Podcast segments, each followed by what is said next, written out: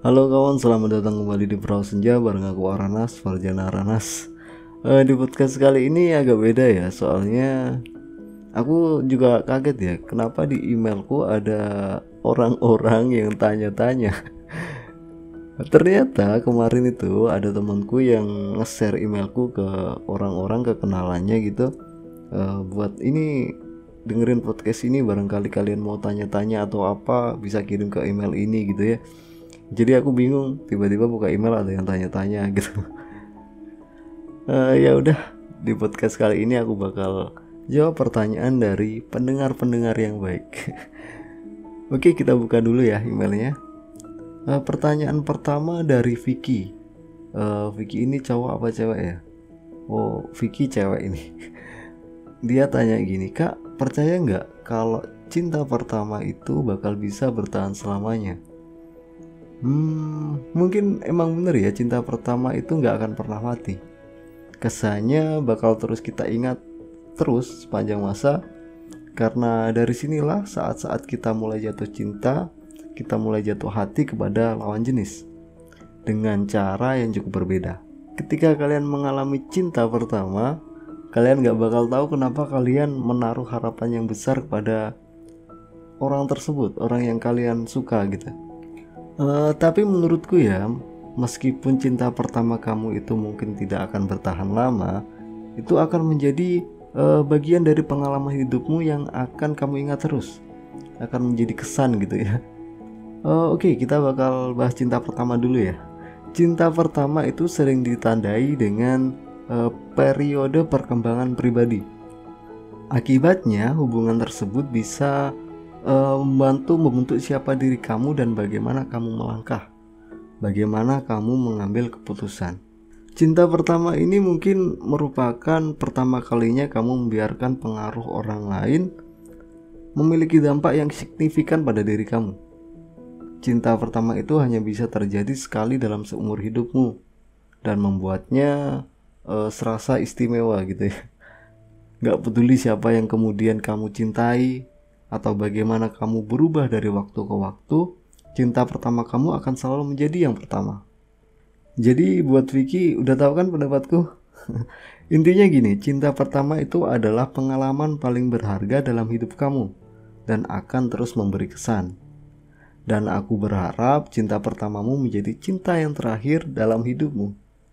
Karena gak ada cinta yang lebih indah daripada cinta pertama. Oke kita lanjut ke pertanyaan berikutnya. Ini dari watermelon. Ini nggak dikasih nama ya. Dari watermelon. Pertanyaannya Kak ajarin ikhlas dong. Aku habis putus dari pacarku nih. Uh, Kemarin aku udah upload podcast uh, Yang temanya adalah ikhlas dan merelakan. Coba kamu dengerin lagi podcastku yang sebelumnya.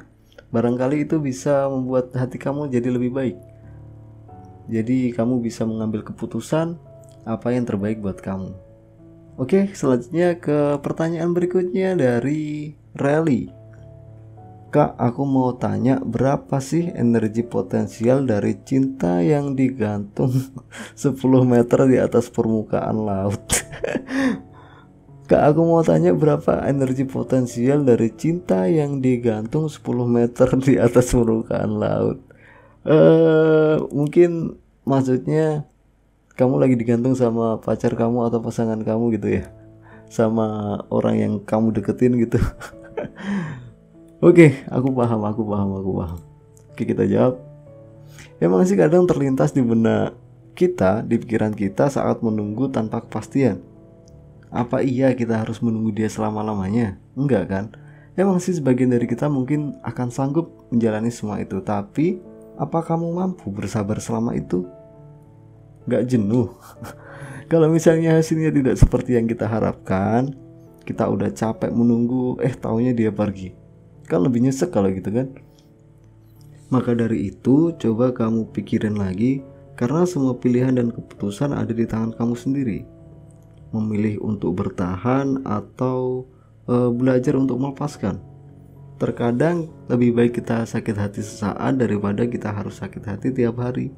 Kalau dia nggak pernah bisa memberi kepastian, kamu yang harus meminta kepastian sama dia. Tapi kalau dia nggak ada kepastian, lebih baik menjalani dengan orang yang lebih pasti. Karena nggak ada yang lebih ditunggu selain kepastian kan? Dan juga nggak ada yang lebih diharapkan selain rasa nyaman. Jangan, aku harap jangan buang waktu kamu untuk menunggu sesuatu yang nggak pasti. Hidup ini berjalan di atas kepastian, bukan hanya cita-cita dan rencana. Sudah berapa banyak waktu yang kamu sia-siakan hanya karena menunggu kepastian yang gak pernah pasti? Karena menurutku kalau cinta yang digantung itu kayak menunggu tanpa tahu apa yang sedang ditunggu. Seperti kita ingin pergi tanpa tahu apa yang harus ditinggalkan. Juga kayak kita berdiri di tengah kondisi yang tidak memberikan kepastian. Jadi buat rally ketika kamu berada dalam keraguan, serahkan semua pada Tuhan, karena hanya Dia yang dapat menuntunmu untuk menemukan jawaban kepastian. Oke, cukup sampai di sini aja podcast kali ini. Pertanyaannya juga cuma tiga. Kalau kalian mau tanya-tanya juga, kalian bisa kirim ke email di aranasb@gmail.com, a r a n a z b gmail.com. Uh, terima kasih udah dengerin podcast ini. Sampai jumpa di podcast selanjutnya.